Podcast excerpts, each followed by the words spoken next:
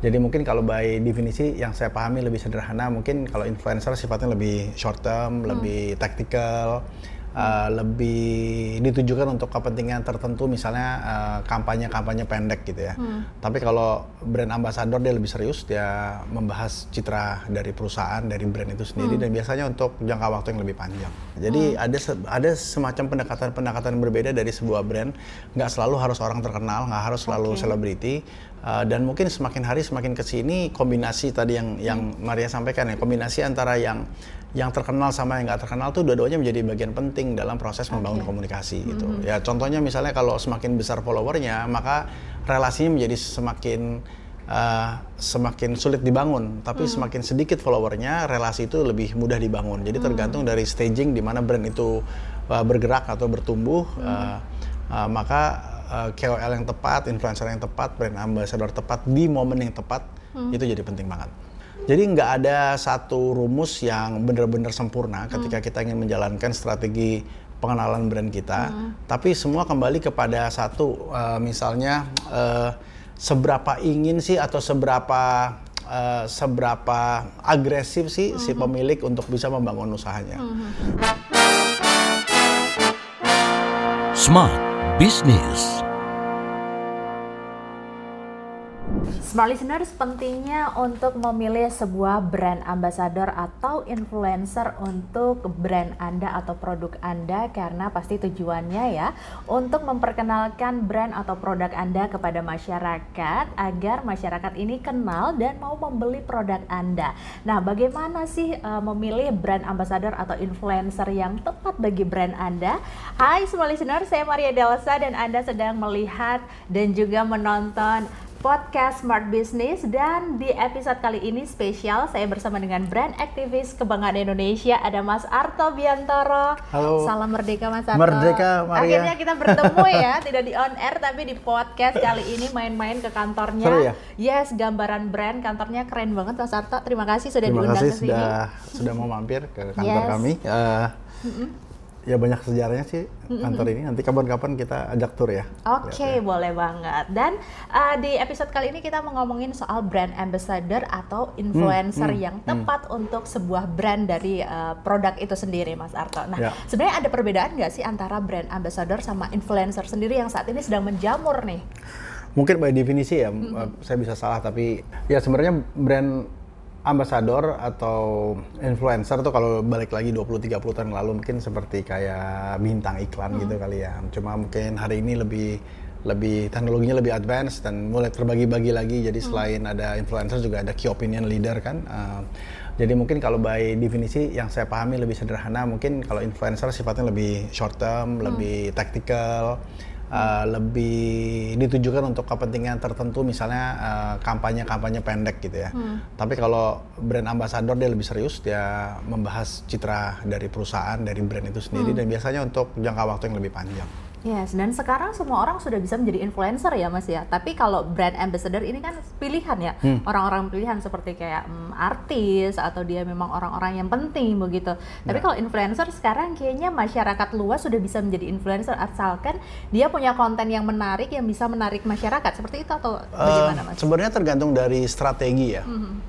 Strategi dari perusahaan itu sendiri, strategi dari brand itu sendiri, uh, bagaimana mereka kemudian melihat key opinion leader ini, baik itu uh, selebriti atau non selebriti sebagai bagian dari esensial Oke. uh, strategi brand mereka ya. Uh, mungkin saya ambil contoh, saya pakai contoh brand nggak apa-apa ya. Uh, mungkin uh, eh, yang bisa kita ambil contoh misalnya seperti Eiger kebetulan eh, beberapa tahun yang lalu saya menjadi brand ambassador untuk Eiger. Oke. Nah yang menarik dari brand Eiger ini adalah bahwa eh, yang pertama mereka tuh percaya dengan orang-orang yang walk the talk. Jadi mereka punya mungkin lebih dari 20 brand ambassador.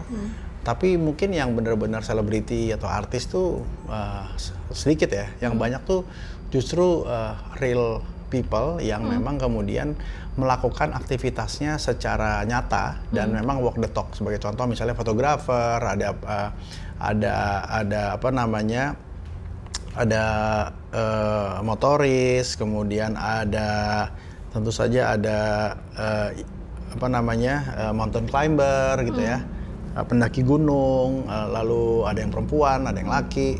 Uh, dan kalau saya misalnya waktu itu contohnya saya sebagai uh, aktivis brand lokal yang mendorong keberpihakan kepada brand-brand lokal. Jadi yang menarik ketika saya tanya kenapa karena memang mereka memilih orang-orang yang memang bisa merepresentasikan value-value dari brand tersebut gitu. Hmm dan waktu itu mungkin followersnya juga gak, belum banyak-banyak banget ya. Jadi hmm. ada se ada semacam pendekatan-pendekatan berbeda dari sebuah brand. Nggak selalu harus orang terkenal, nggak harus selalu selebriti.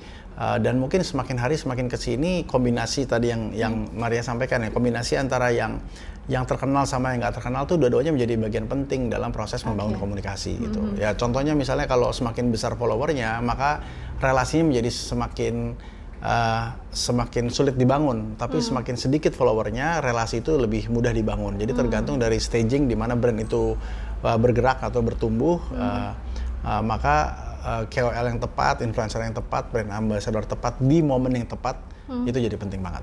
Oke, tapi sebenarnya efektif nggak sih mas penggunaan uh, antara brand ambassador sama influencer ini sendiri bagi sebuah brand?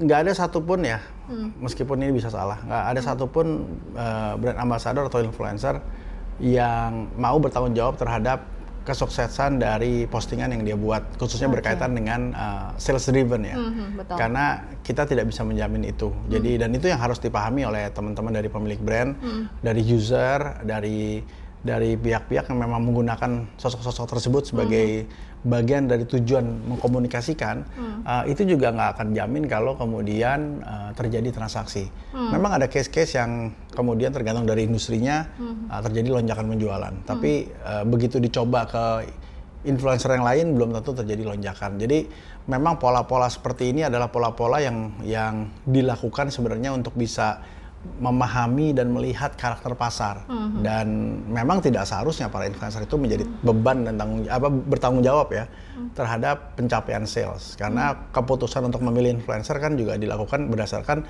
uh, keputusan dari brand mm-hmm. bukan di, di influencer itu sendiri jadi memang uh, saya melihat uh, hari ini fungsinya memang jauh lebih lebih strategis dibandingkan hanya untuk meningkatkan sales mm. tapi misalnya membangun ra- ra- rasa rasa kepercayaan hmm. brand atau masyarakat terhadap brand itu hmm. atau kemudian uh, membuat uh, apa namanya uh, brand itu lebih percaya diri hmm. sebagai sebuah brand karena nggak semua influencer atau brand ambassador juga meskipun dibayar mau menerima pinangan itu kalau hmm. misalnya value-value-nya nggak sama atau kualitasnya nggak sesuai. Oke, berarti bagaimana sebuah perusahaan atau brand itu bisa memilih uh, sebuah seorang brand ambassador atau influencer ini agar uh, revenue mereka tuh juga masuk gitu mas, secara angka dan juga secara uh, brand ini bisa diterkenal gitu. Iya, kalau revenue sekali lagi agak agak agak sulit ya, ya, agak ya artinya gini, artinya hmm. nggak hmm. selalu kita taruh selebriti atau orang yang terkenal. Hmm uh, itu berhasil dan hmm. bahkan kalau ada orang yang terkenal kemudian punya usaha hmm. juga belum tentu berhasil gitu. Okay. Uh, yang perlu kita pahami adalah sebenarnya kembali sebelum kita masuk ke dalam relasi hmm. menggunakan brand ambassador atau uh, influencer ini, hmm. yang pertama kali harus kita pahami adalah objektif utama dari brand tersebut, hmm. goalnya apa, hmm. stagingnya lagi di mana. Misalnya hmm. stagingnya adalah saya ingin membangun trust untuk masyarakat yang ada di di uh, di kota kita hmm. gitu. Maka kita perlu influencer-influencer lokal misalnya. Hmm. Jadi nggak perlu pakai influencer dari dari luar atau luar hmm. negeri bahkan karena skalanya memang skala lokal nanti sambil berjalan tumbuh. Hmm. Uh, tapi ada juga sih yang skala lokal tapi kemudian pakai artis Korea gitu ya hmm. untuk membangun trust tadi. Jadi nggak ada satu rumus yang benar-benar sempurna ketika hmm. kita ingin menjalankan strategi pengenalan brand kita, hmm. tapi semua kembali kepada satu uh, misalnya uh, seberapa ingin sih atau seberapa uh, seberapa agresif sih hmm. si pemilik untuk bisa membangun usahanya. Hmm. Artinya apa? Artinya uh, ingin menguasai pasar cepat-cepat, hmm. ingin mendapatkan kepercayaan cepat-cepat dan hmm. ingin mendapatkan awareness yang paling tinggi, mm-hmm. maka berani tuh dia tuh uh, apa namanya uh, ambil resiko bayar yang mahal supaya dalam waktu cepat mm-hmm. uh, dia bisa lebih dikenal produknya. Mm-hmm. Tapi bukan selalu 100% itu solusinya karena bisa jadi orang-orang yang membangun brand dengan proses yang lebih lambat lebih punya tempo dan tidak instan atau jor-joran, mungkin dalam jangka panjang lebih mudah dikenal. Nah ini kayak gini-gini kadang-kadang harus melihat lebih dalam lagi tentang karakter si founder, uh, apa namanya CEO-nya, karena tidak selalu CEO itu founder kan. Oke.